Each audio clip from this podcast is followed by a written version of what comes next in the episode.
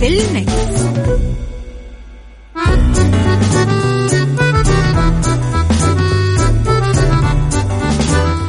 يا صباح الخير والورد والسعادة والجمال عليكم مستمعينا في كل مكان وأهلا وسهلا فيكم في حلقة جديدة من برنامج عيشها صح طبعا اليوم أنا غدير الشهري معاكم لمدة ثلاث ساعات إن شاء الله تكون ثلاث ساعات جميلة وخفيفة وفيها الكثير من الأخبار والمعلومات والمواضيع الشيقة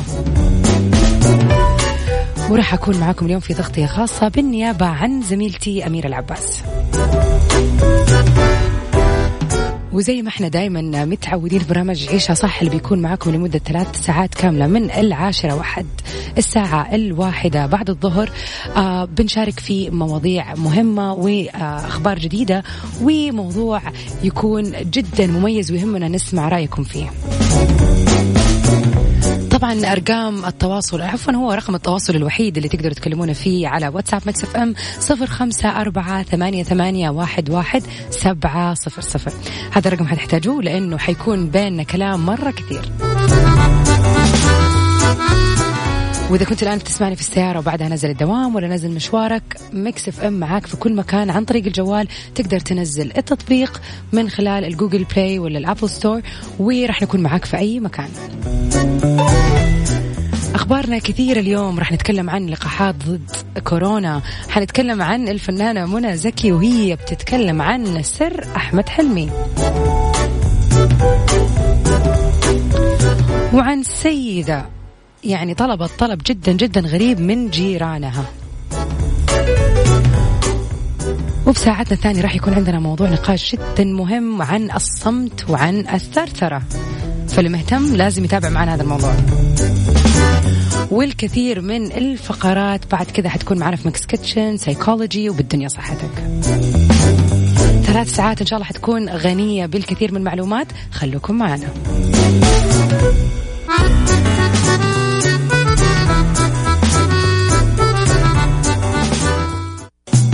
عيشها صح مع أميرة العباس على مكتف أم مكتف أم هي كلها في المكس.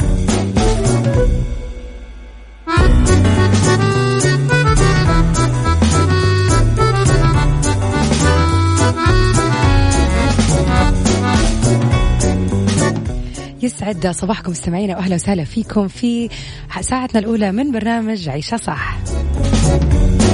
ومن أول أخبارنا لليوم الجبير بنعمل مع شركات الأدوية لتطوير لقاح ضد كورونا. قال وزير الدولة للشؤون الخارجية عادل الجبير أن المملكة تعمل مع شركات الأدوية العالمية لإيجاد وتطوير لقاح ناجح وفعال ضد فيروس كورونا المستجد. وأكد الجبير خلال مخ... خلال مخاطبته منتدى باريس للسلام أن المملكة بتطلع لتحقيق هذا الهدف قريبا لمساعدة شعوب العالم في الدفاع عن نفسها ضد هذا الوباء. واستعرض الجهود اللي بذلتها المملكة لمكافحة جائحة كورونا وإذ طبعا استضافت قمة افتراضية لقادة دول مجموعة العشرين في وقت سابق في هذه السنة لإظهار التزامها بالتعامل مع هذا الوباء والعمل عن قرب مع الشركاء الدوليين للوصول لحل له. وأشار إلى مساهمة المملكة بمبلغ بمبلغ 500 مليون دولار لدعم الجهود الدولية ومنظمة الصحة العالمية في التصدي للجائحة. إن شاء الله يا رب يعني تطلع الأقوال اللي بنسمعها عن اللقاح الجديد صحيحه وإنه بإذن الله على نهاية هذه السنة يتم اعتماده ويعني يتصدر للدول في كل مكان وينتهي الوباء. قولوا آمين.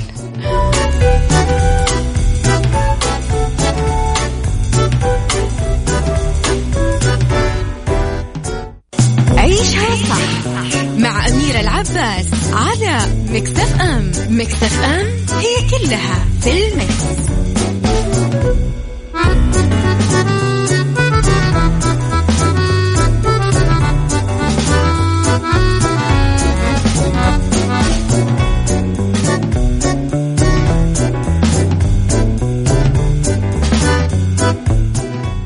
مناعتك هي السلاح الأول والأخير ضد فيروس كورونا. حافظ على فحوصاتك ومختبر دار الطب راح يكون معك.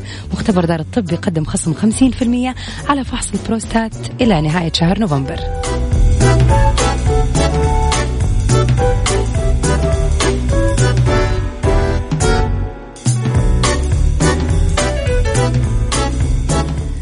منى زكي بتكشف سر أحمد حلمي وقالت هذا هو الشيء الوحيد اللي هو فالح فيه. خلينا نتعرف على ف... على تفاصيل الخبر اللي بيخص أحمد حلمي. طبعا مو أي شيء طبعا من وجهة نظر زوجته. كشفت الفنانة المصرية منى زكي سر عن زوجها الفنان أحمد حلمي مؤكدة إنه بيهوى الطبخ لكنه بيخرج دائما بتجارب سيئة. وقالت هذا الشيء الوحيد اللي مش فالح فيه. بينما فوجأة فوجئت آه، منى زكي بفيديو جديد لزوجها حلمي خلال تصوير حلقة برنامج تلفزيوني. يعني هي كانت في أمان الله قاعدة برا بتسوي شغلها الطبيعي وفكت الانستغرام وشافت الفيديو اللي هو بيسوي فيه الكيكة واللي قاعد يحاول يخرجها من الصينية وما هو قادر. أتوقع أغلبنا شافنا الفيديو هذا اللي انتشر بشكل كبير الأسبوع اللي فات وكان لي أحمد حلمي هو عامل كيكة كانت زي الحجر. يعني قاعد يحاول يخرجها بالشوكة ما نفع قام جاب شاكوش وقاعد يحاول يخرجها إلى ما خرجت معاه وفي النهاية داقها وأكيد يعني ما عجبته.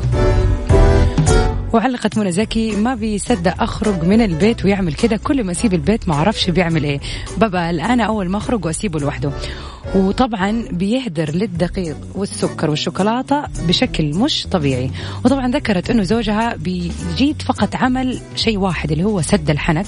هو هي دي الحاجة الوحيدة اللي فالح فيها. واللي صورها ونشر الفيديو بتاعها قبل كده عبر آه وغير كده أي كلام ولا حتى بيعرف يسلق بيض. أنا قاعدة أحاول أتكلم اللهجة المصرية مع السعودية يعني ما زبطت معي يعني كذا كذا anyway طبعا سد الحنك للي ما يعرفه هو حلا تركي ولكنه مشهور جدا في آه، مصر ومكوناته جدا بسيطة عبارة عن سمن دقيق سكر موية وحليب. فهو هذا الحلا الوحيد اللي هو فالح فيه الفنان أحمد حلمي على قول آه، منى زكي طبعا. وطبعا بعد كذا تصريحات منى زكي جات في طبعا هذه ضمن ترويج لأحد افلامها السينمائية الجديدة اللي هو الصندوق الأسود المعروض حاليا في دور العرض بعد غيابها لمدة أربع سنوات عن الأعمال السينمائية. أنا عاشقة للدراما والسينما المصرية ف ومنى زكي بما إنها رجعت بعد فترة طويلة أتوقع الفيلم حيكون جدا جميل.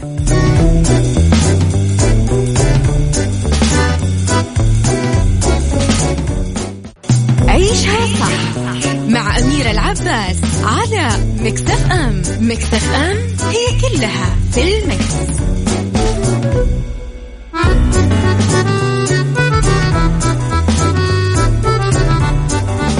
أهلا وسهلا فيكم مستمعين Mix FM في كل مكان ويسعد صباحكم وإن شاء الله نهاركم ويومكم كله جميل بإذن الله. وخبرنا اليوم بيتكلم عن سيدة تطلب مساعدة من الجيران عشان توقف زيادة وزن قطتها. ناشدت صاحبة قطة سمينة الغرباء وجيرانها عدم إطعامها لمعاناتها السمنة المفرطة في محاولة لإجبارها على الالتزام بحمية غذائية.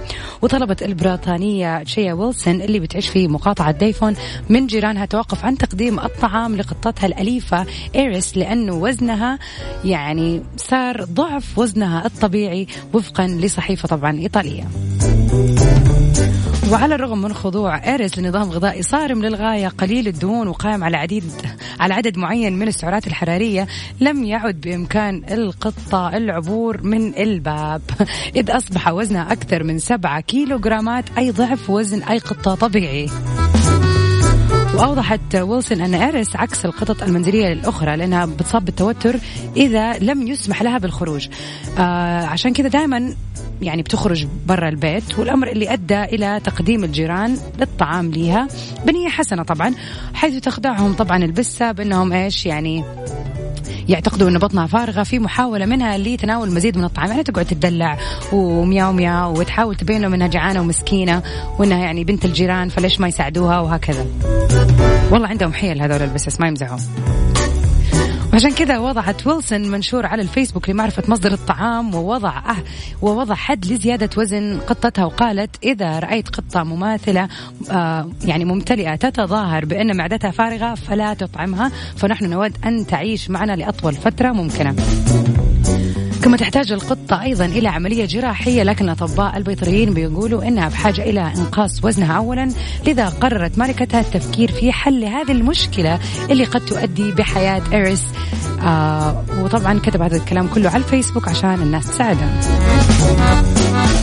شايفين كيف يا جماعة؟ يعني السمنة يعني متعبة سواء كانت للبني آدمين أو حتى لغير البني آدمين يعني حتى للحيوانات. ويعني على فكرة من جد القطط يعني مع إني ماني محبة للقطط الحيوانات بشكل عام ولكن فعلا عندهم حيل وعندهم كذا بيبي فيس يطلعوه ما أعرف إيش يسووا أشياء في وجيههم ويدلعوا يخلوا الواحد كذا يحس إنه ليش لا؟ طيب خليني أديها خليني وهكذا يعني. ولكن فعلا الأكل الزيادة سواء كان لينا ولا لغيرنا ولا لأي حيوان شيء جدا جدا مضر. يعني أتمنى إنه ايريس إن شاء الله ترجع طبيعية يعني عشان ويلسون تكون مبسوطة ببستها يعني.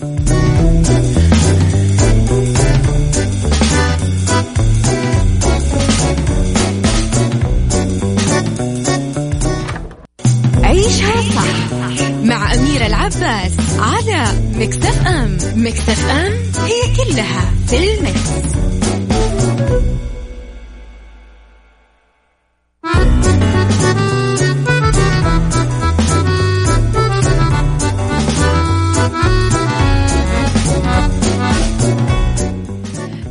تغيير اللمبات كل فترة الموضوع جدا سهل. احرص على اقتناء لمبات ال LED فهي بتدوم ثمانية أضعاف اللمبات غير الموفرة وفرت ونورت معلومة خلوها في بالكم أن العمر الافتراضي للمبات الموفرة بيدوم ثمانية أضعاف اللمبات الغير موفرة. فأكيد كلنا حنحب نوفر على نفسنا ثمانية أضعاف.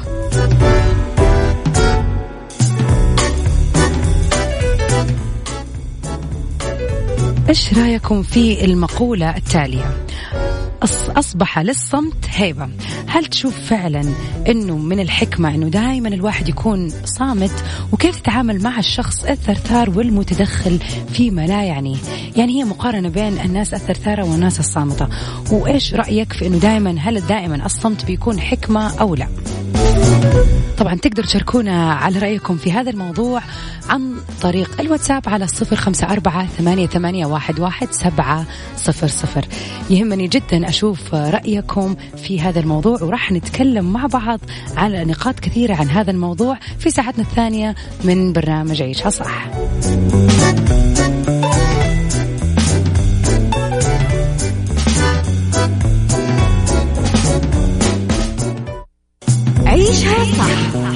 مع أميرة العباس على Mix FM Mix FM it's all in the mix.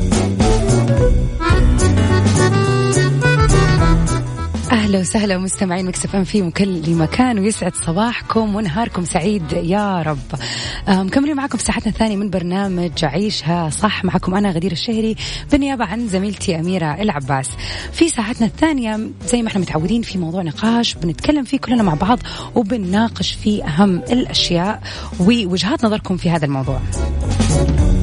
وأصبح للصمت هيبة. الصمت هيبة في زمن كثير يعني في زمن كثر فيه ضجيج الثرثرة. حتى صار البعض يتفنن في كثرة الكلام غير المنضبط ويحشر أنفه فيما لا يعنيه أو يخصه. وكأنه بيحمل على يعني شخصه أو عاتقه شهادة دكتوراه في الفلسفة.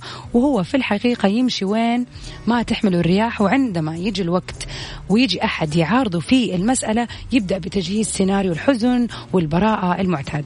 كلمة الحق لا أحد يريد سماعها سؤالنا لليوم هل الصمت حكمة دائما وكيف تتعامل مع الشخص الترتر والمتدخل فيما لا يعنيه؟ طبعا تقدروا تتواصلوا معنا مستمعينا على صفر خمسة أربعة ثمانية, ثمانية واحد, واحد سبعة صفر صفر. ترسلوا لنا رسالة على الواتساب اسمكم من وين وإذا حابين تطلعوا معنا على الهواء ونسمع رأيكم في هذا الموضوع وإذا عندكم أي تجربة شخصية فيه.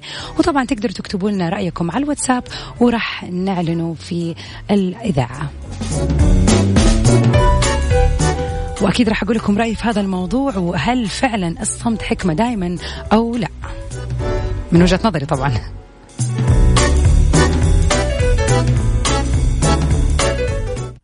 عيشها صح مع أميرة العباس على مكتف أم مكتف أم هي كلها في المكس.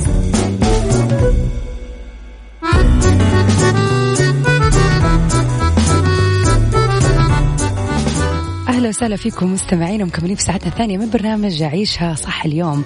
وأصبح للصمت هيبة. هل الصمت حكمة دائما وكيف تتعامل مع الشخص الثرثار والمتدخل فيما لا يعني؟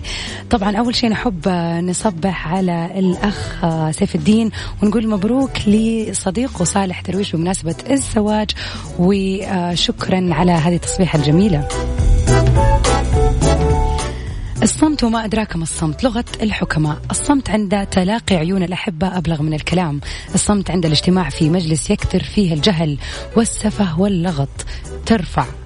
ترفع عفوا. والصمت عندما يكون الكلام يؤدي إلى جدال أو فتنة حكمة. الصمت عند لزوم قول الحق والدفاع عنه. جبن وفعل من الشيطان. تحياتي أبو عبد الملك. شكرا لك ولكلامك يا أبو عبد الملك.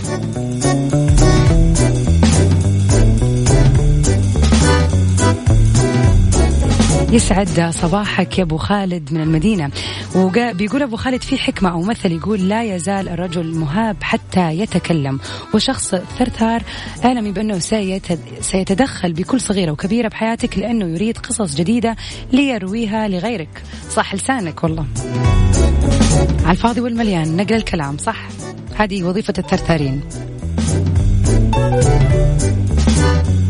الصمت لغة العظماء. يسعد صباحك يا محمود وفعلا صح كلامك. مستمعينا ما زلت يهمني أسمع رأيكم وكلامكم عن الصمت مع إنه الأغلب يتفق إنه الصمت أهم. بس هل عندك وجهة نظر مغايرة؟ هل تشوف إنه الصمت أبلغ من الكلام مليون مرة ولا أحيانا لا الواحد لازم يتكلم؟ طبعا تقدروا تتواصلوا معنا على صفر خمسة أربعة ثمانية, ثمانية واحد, واحد سبعة صفر صفر.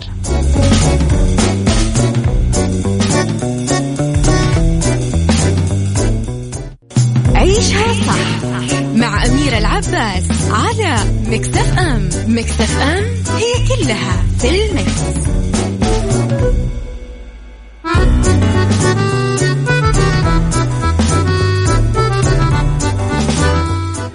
أصبحت مقولة كلمة الحق لا يريد سماعها أحد كالحجة اللي بيرمي يعني الناس عليها في حال واجهوا ما يخالفهم في مسألة معينة. لا تضع نفسك في موقع محرج حتى لا يأتيك الرد الصاعق من جلسائك بقولهم أكرمنا بسكوتك فقد أوجعت رأسنا بكلامك اللي ما ينتهي وفي الحقيقة لو كان لدينا زر التوقيف لأوقفنا ألسنتهم عن التكلم مستقبلا. كثرة الكلام بتخرج الشخص عن إطار من الحد المناسب والمنطقي للتحدث ضمن نطاقات الحديث المختلفة وبتتحول بعد كده هذه الصفة إلى عادة يدمن عليها البعض. واللافت في هذا الموضوع أنه هؤلاء الثرثارين هم ناس لا يضبطون ألسنتهم ولا يصغون أصلا للكلام المنطقي اللي يقول لهم هو عقلهم لأنهم بيدركوا أنه ثرثرتهم هي الأساس لجذب أضواء الشهرة عليهم. عشان كذا بتشوفهم بيتحدثوا عن كل ما لا يخطر في بالك أصلا ويعني بتلاقيهم بيتكلموا في المجالس وفي الأماكن اللي فيها تجمعات كثيرة وبيهذوا بكل أمر ويجعلوا نفسهم محط أصلا للسخرية كيف تتعامل مع شخص الثرثار والمتدخل فيما لا يعنيه يعني معنى صح الشخص الملقوف. طبعا بالنسبة للصمت وبالنسبة لأنك يعني إذا هو من رأيكم إيش تشوفوا أنا طبعا سمعت آراء كثيرة وواحد من آخر الآراء اللي جتنا إنه عندما تتحدث المرأة تضيع أو يضيع نصف جمالها بس طبعا مش أي إمرأة. يعني أنا شايفة كلامك شوية غلط يا سيف الدين.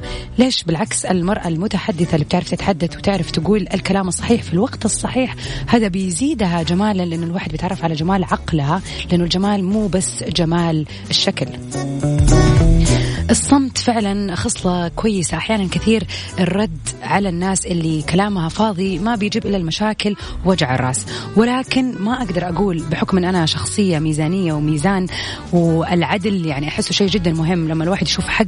وزي ما قال آه، أبو عبد الملك في الكومنت أنه أحيانا السكوت عن الحق مصيبة يعني وشيء جدا كبير. فبالعكس الصمت طبعا له آه، أثر كبير جدا في مواقف كثيرة.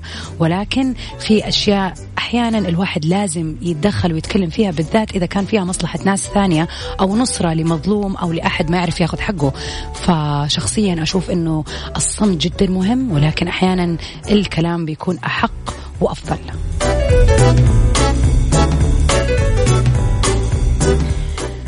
اللي تسمعني الآن. إذا في شخصية ثرثارة في حياتك ملقوفة قول لنا موقف معاها وكيف قدرت تتعامل مع هذا الشخص؟ كيف قدرت تريح راسك منه؟ أو إيش الردود اللي استخدمتها عشان تريح راسك منه آه وترتاح من اللقافة والثرثرة الزايدة؟ طبعا تقدروا تواصلوا معنا على صور خمسة أربعة ثمانية, ثمانية واحد, واحد سبعة صفر صفر. كيف تعاملت مع شخص الملقوف في حياتك؟ وكيف تنصحنا وتنصح المستمعين أنهم يتعاملوا معه؟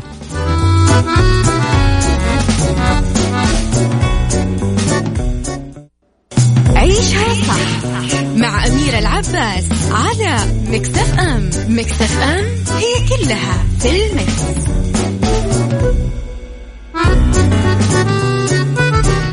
نلجأ للصمت لما أحيانا تكون الكلمات عاجزة عن التعبير ولكن اللي ما تعرفوا أن الصمت حكمة وسلاح فتاك هو بيمنحك طاقة قوية للتفكير بعمق والتركيز بعقلانية على إجابتك. هو أيضا بيجعلك تسيطر على الشخص اللي قدامك من خلال نظرات مح... يعني تحمل الكثير من المعاني الغير منطوقة. والصمت المصحوب ببعض الحركات والإيماءات يرغم من أمامك بالبوح على ما في داخله وأنه يبغى يقول كل شيء بسبب لغة جسدك ويعني بتكون يعني موصلة للمعنى مليون مرة أكثر من أي كلمة ممكن تقولها وكمان ممكن يولد لدى الناس اللي قدامك بشعور بالغيظ الشديد لأنهم بيعتبرونه هجوم مستتر فتكون أنت الأقوى من دون أي كلمة ولا تعب. هو بيفيد في المواقف الصعبة لأنه يولد الاحترام بعكس الصراع والجدل اللي بيولد التنافر والحقد وأكثر. ما يستفيده الشخص من الصمت تعلم حسن الاستماع. كمان للصمت خمسة أنواع خلينا كذا نستعرضها على السريع. عندما لا يقتنع عندما لا تقتنع بكلام الشخص اللي قدامك خاصة الأكبر منك سنا بيكون الصمت احتراما ليه وعندما يتجاهلك عزيز ليلتفت لأولويات أخرى بيكون الصمت معناه ألم. عندما يجرحك شخص وتذهب وتبكي بمفردك بيكون هنا الصمت قهر. وعندما تشعر بأن قلبك أصبح ضعيف ولا يتحمل الألم بيكون الصمت هنا اختناق. وعندما يتلفظ الذي أمامك بكلمة جارحة بيكون الصمت هنا قوة. الصمت فن لا يتقنه إلا القليل من الناس فكما, فكما قيل إذا كان الكلام من فضة فالسكوت من ذهب. ولكل ولكن طبعا هل يستطيع الشخص الترتار استيعاب هذا الشيء؟ فهو أصلا يتمشى يعني بحبال الأفكار اللي موجودة عنده لحد ما يوصل لمرحلة لا يستطيع فيها أنه يغمض عينه من غير ما يأذي أو يؤدي عفوا دوره المفعم بالتهريج والتخريف ونشر الكلام. التحدث دون وضع كوابح بيجعلنا نغرق في دوامات تملأها علامات الاستفهام. خلينا نقول إن الخلاصة قد يصنع الصمت ما لا يصنع الكلام فالصمت فعلا قوة في هذا الزمان. خليك ذكي عزيزي المستمع واعرف متى تتكلم ومتى تصمت وكيف ممكن أنت تاخذ حقك وزيادة من غير ما تقول ولا كلمة.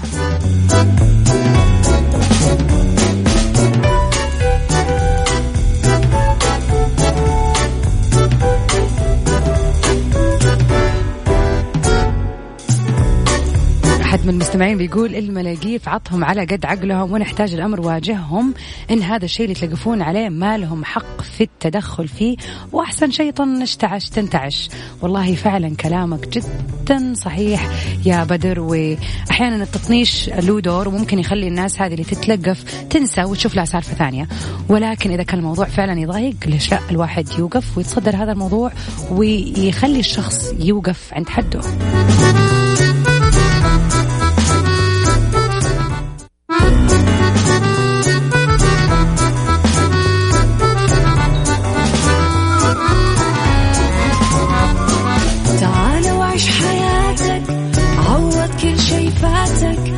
عيش أجمل حياة بأسلوب جديد.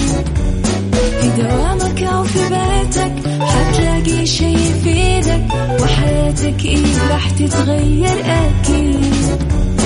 رشاق ويتوكيت أنا قف كل بيت. ما عيشها صح أكيد حتعيشها صح. في السيارة أو في البيت إضمعنا والتوفيق. الشيء المفيد. ما عيشها صح. الآن عيشها صح مع أميرة العباس على مكتف أم مكتف أم هي all in the mix. أهلا وسهلا فيكم مستمعين Mix FM في كل مكان في برنامج عيشها صح.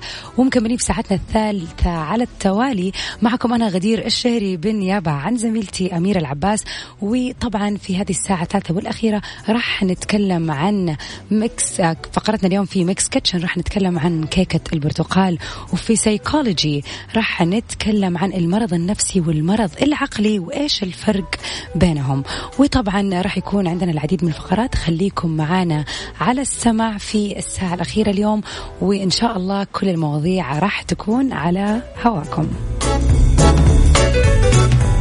طبعا أرجع أذكركم مستمعينا إذا عندكم أي تعليق وحابين تشاركوا معنا تقدروا تتواصلوا معنا على رقمنا في الواتساب على صفر خمسة أربعة ثمانية, ثمانية واحد, واحد سبعة صفر صفر.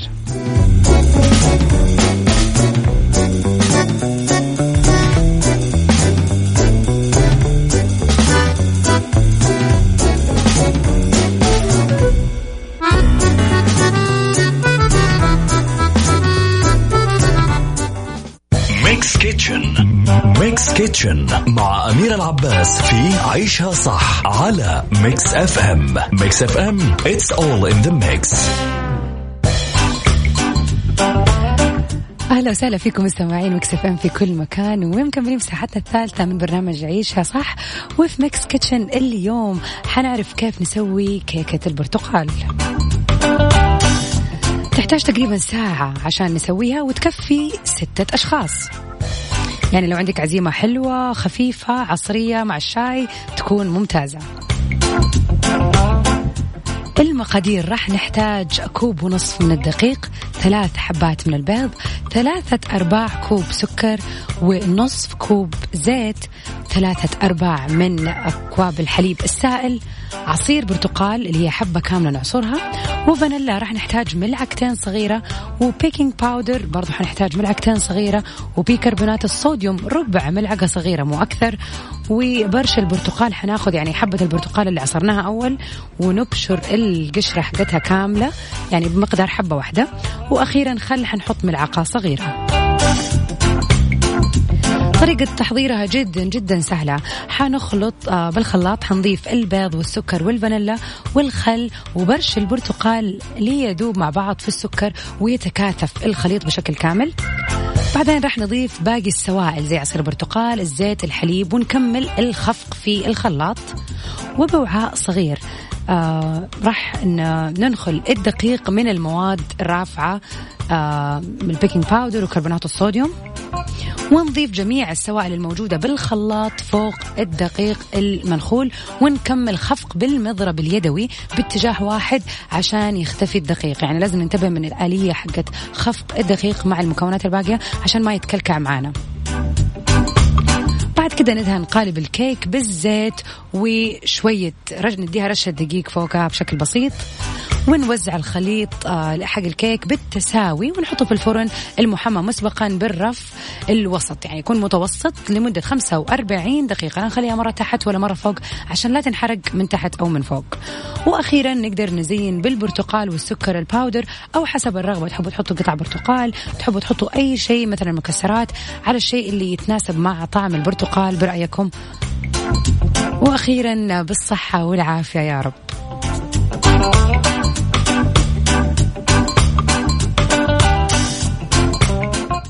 عيشها صح مع أميرة العباس على مكتف أم. مكتف أم هي كلها في المكس.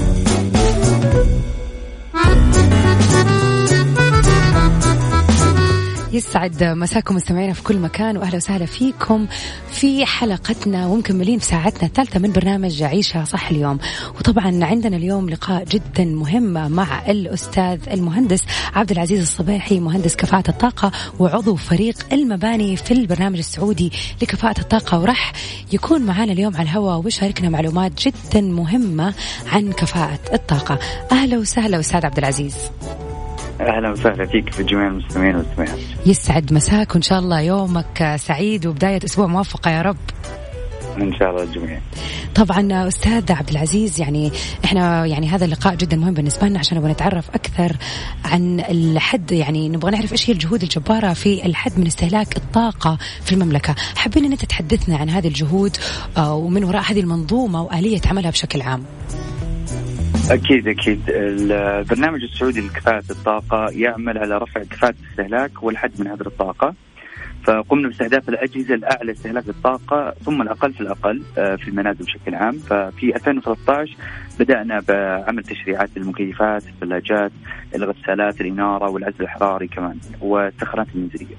والآن جاري العمل على المواصفات أيضا اللي الأجهزة الغير مستخدمة في المباني أما بالنسبة للاناره فتم اعداد مواصفه الجزء الأول في 2015 وكانت تشمل هذه المواصفة التشريعية آه، تقنيات ال LED ال CFL الهالوجين والإنارة المتوهجه ثم انتهينا من إعداد الجزء الثاني في 2018 واللي تشمل جميع التقنيات اللي ما ضمناها في الجزء الأول ومن أهمها وحدات الإنارة وأخيرا الجزء الثالث انتهينا منه في 2016 وتركز على متطلبات الإنارة اللي في الشوارع من حيث التصميم الإنارة الطرق والمصابيح المستخدمة فيها.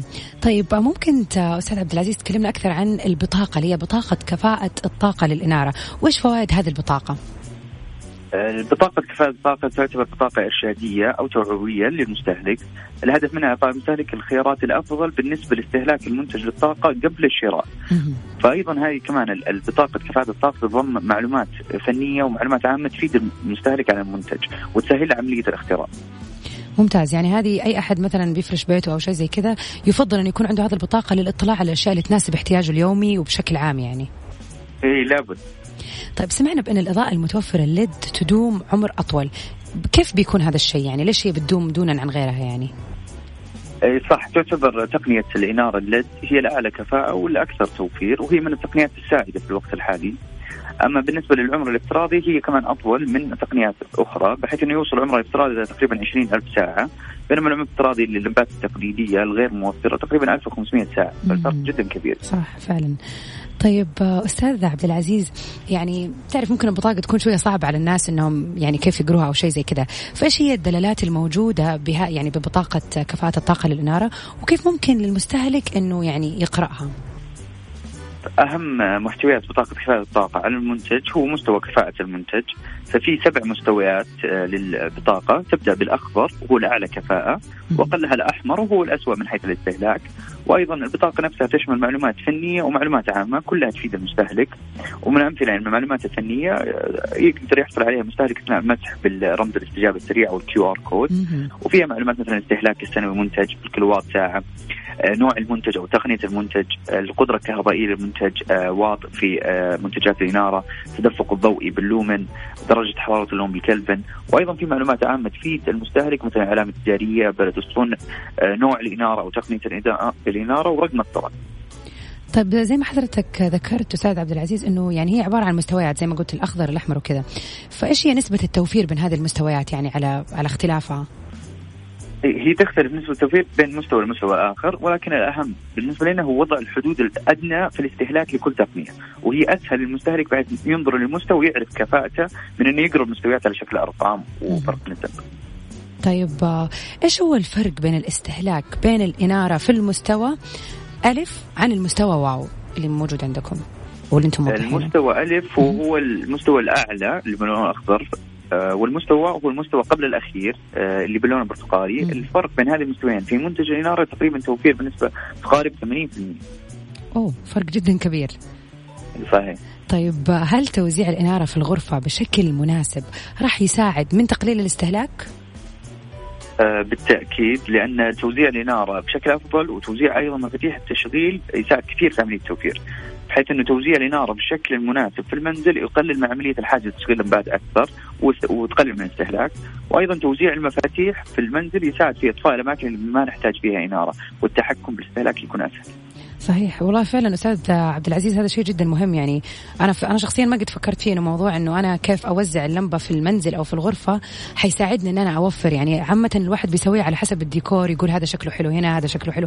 ما بيفكر في موضوع التوفير وإنه لا يفرق لو حطيت الإنارة هذه في الزاوية هذه أو هذه حيخليني أوفر أكثر. وهذا شيء أتوقع مهم.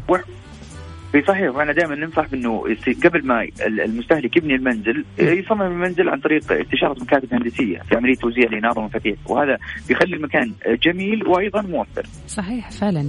آه طبعا تطبيق تأكد آه حابين تحدثنا عن هذا التطبيق وكيف يمكن يعني يعني التاكد من صحة بطاقة كفاءة الطاقة للمنتج من خلاله.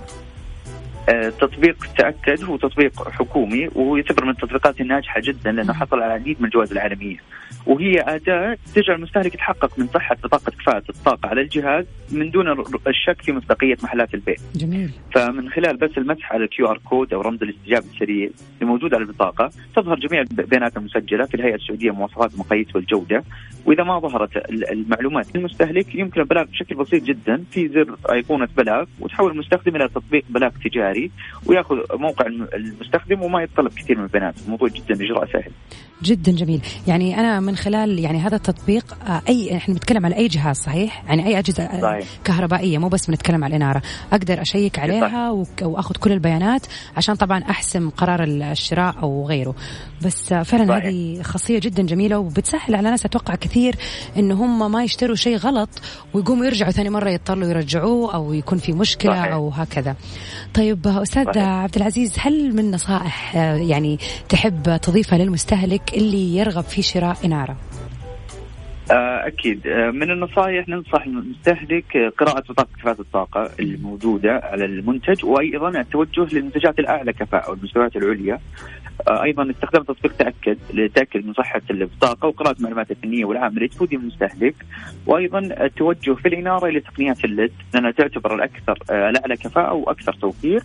وأيضا عند قبل ما المستهلك يبني المنزل ننصح باستشارة مكاتب هندسيه مثل ما ذكرت في عملية توزيع الإنارة والمفاتيح.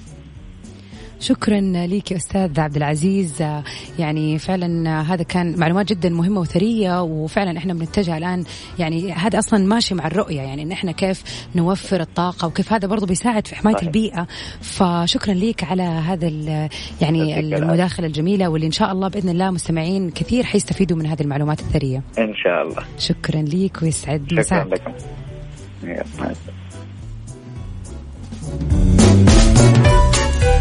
مستمعينا الحياة تغيرت والطريقة اللي بنعيش فيها حياتنا برضو تغيرت. وطبعا غير إنه التكاليف صارت عالية وفي أشياء كثير بندفعها والتزامات فليش لا ما نوفر على نفسنا بإننا نشتري المنتجات الصحيحة من البداية في بيوتنا المكان اللي بنقضي فيه أغلب وقتنا. كون ذكي في التعامل مع حياتك اليومية ومع مصاريفك والأهم من أنت تساعد في حماية البيئة والخسائر المادية اللي بيكون ما لها داعي. ففعلا تطبيق تأكد تطبيق جدا جميل. وإذا كنتوا الآن في مرحلة أنكم تنقلوا من البيت أو تفرشوا بيت جديد حطوا هذا الموضوع في عين الاعتبار واستفيدوا من تطبيق تأكد.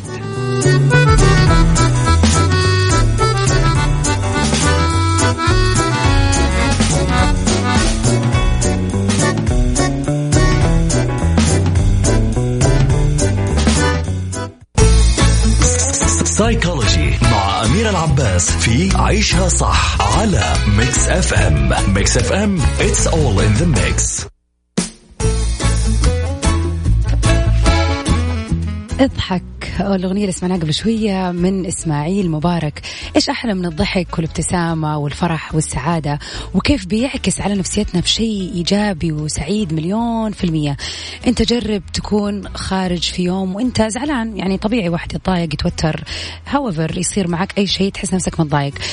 جرب تبتسم للناس اللي جنبك. يعني شفت طفل صغير أي أحد طالع فيك ابتسمت ابتسمت له وابتسم back for you إيش حيكون الإحساس؟ يعني العضلة اللي تحركت في وجهك هذه وابتسمت حتى لو أنت ما كنت ناوي تبتسم عشان أنت مبسوط يعني بس تسليكة زي ما يقولوا بس إلا وما إلا تفرق في صحتك النفسية. اليوم في فقرة سيكولوجي راح نتكلم عن الفرق بين المرض النفسي والمرض العقلي. طبعا بيختلف المرض النفسي عن المرض العقلي. على الرغم من أن الاضطرابات النفسية ممكن تؤدي في النهاية إلى أمراض عقلية وكمان جسدية. يعني تخيل أنه صحتك النفسية ممكن تضر صحتك الجسدية ويجي لك مرض لا سمح الله أو يجي لك مرض عقلي بسبب بس أن أنت تعبان نفسيا. طبعا ما بقول هذا شيء دائما ولكن آه إذا كان العلة النفسية والمرض النفسي شيء كبير وأنت ما عرت أي انتباه لي ممكن لا سمح الله يتحول لذلك.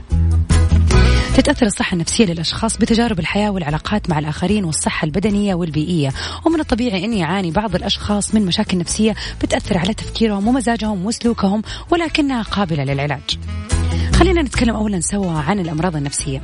تعد الأمراض النفسية أكثر انتشارا من الأمراض العقلية بسبب ما يتعرض له الاشخاص من ضغوط في حياتهم اليومية وصدمات متكررة وغالبا ما بيشعر المريض النفسي بمرضه وبيلجأ للطبيب النفسي لطلب المساعدة والدعم. وبيكون علاج الأمراض النفسية في الأغلب آه، الأوقات. يعني جلسات آه، بيكون بجلسات العلاج النفسي سواء كانت فردي أو جماعي وبعض الأدوية وبيكمل المريض في حياته كالمعتاد. ومن هذه الأشياء اللي ممكن تصنف كأمراض نفسية الاكتئاب البسيط الرهاب يعني اللي هو الخوف اضطرابات ما بعد الصدمة الوسواس القهري اضطرابات الأكل أو اضطرابات النوم. أما بالنسبة للأمراض العقلية هي مختلفة نوعا ما. خلينا نشوف مع بعض إيش هي. بيكون تأثير الأمراض العقلية أقوى على المريض من الأمراض النفسية وعلى الناس المحيطين به كمان. ويمكن أن يصيب المرض العقلي أي شخص بغض النظر عن العمر أو الجنس أو المكانة الاجتماعية. وغالبا ما يعاني الأشخاص المصابون بمرض عقلي من الضيق والمشاكل في العمل والمنزل وفي المواقف الاجتماعية. ومما بيسبب حدوث الاضطراب العقلي. ومن الممكن أن تتدخل العوامل الوراثية والعضوية في الإصابة بالمرض العقلي. ولكن طبعا ما بنقول أنه كل أحد مريض عقلي بسبب عامل وراثي أو مثلا مرض عضوي أو هكذا. في ناس بتتعرض لضغوطات في الحياة ومواقف كثيرة لا سمح الله بتتطور من الحالة النفسية إلى الحالة العقلية ممكن فعلا يعني تتعب الدماغ. وبيصاحب المرض العقلي مجموعة من الهلاوس السمعية والبصرية والبعد عن الواقع والانفصال عنه. وبيرفض المريض للأسف العلاج ولا بيعترف به لأنه ما بيصنف نفسه مريض. مو زي الشخص اللي مريض مرض نفسي عارف إنه هو في مشكلة كده وحابب يحلها. طبعا بيستغرق علاج الأمر العلاج الأمراض العقلية فترة أطول من الأمراض النفسية وبتكون من الأمراض المعروفة عن الأمراض العقلية الذهان الاضطراب ثنائي القطب اضطرابات الاكتئاب الجسيم والصرع. طبعا هذا الموضوع آه، موضوع جدا مؤثر وسواء كان واحد عنده مرض نفسي أو مرض عقلي اللي هو بيكون أكبر بيكون طبعا صعب عليه كشخص وعلى الناس اللي حواليه. ولكن طالما الطب موجود والعلم موجود والناس اللي يعني حوالينا موجودة فهذا الشيء بيساعد كثير في عملية العلاج. فإذا أنت تعرف أحد عنده واحد من هذه الأعراض سواء كانت نفسية ولا عقلية حاول أنت تكون جنبه وتخليه يلجأ للطب وللدكتور الصحيح عشان يعني يتعدى هذه الحالة. على العموم هي كل هذه الأشياء بتكون اختبارات للناس وبإذن الله فترة ويعدوا منها ولكن لازم نكون مؤمنين بأنه لازم نبدأ ونكمل في العلاج. مع تمنياتي للجميع بصحة نفسية وعقلية وجسدية يعني بخير وسعادة وأتم الرضا يا رب.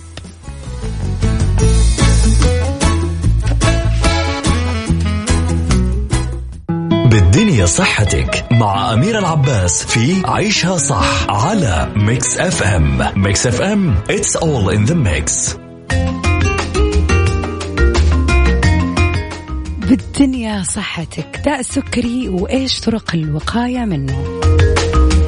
بتشير تقديرات منظمة الصحة العالمية إلى أن مرض السكري كان السبب الرئيسي السابع المؤدي إلى الوفاة في عام 2016 وفي حين يعد اتباع نظام غذائي صحي وممارسة النشاط البدني بانتظام والحفاظ على الوزن الطبيعي للجسم وتجنب تعاطي التبغ بأشكاله كافة من الأمور اللي يمكن أن تمنع من الإصابة بداء السكري من النوع الثاني وهو النوع الأكثر حدوثا أو أو تأخير أو تأخير ظهوره على الأقل. أما بالنسبة لطرق الوقاية من داء السكري بعض التدابير البسيطة المتعلقة بنمط الحياة اليومية قد أثبتت فعاليتها في الوقاية من السكري آه، من النوع الثاني أو تأخير ظهوره. ولعل أبرز هذه التدابير. أولا اتباع الحميات اللازمة وممارسة المزيد من النشاط البدني لبلوغ الوزن الصحي والحفاظ عليه.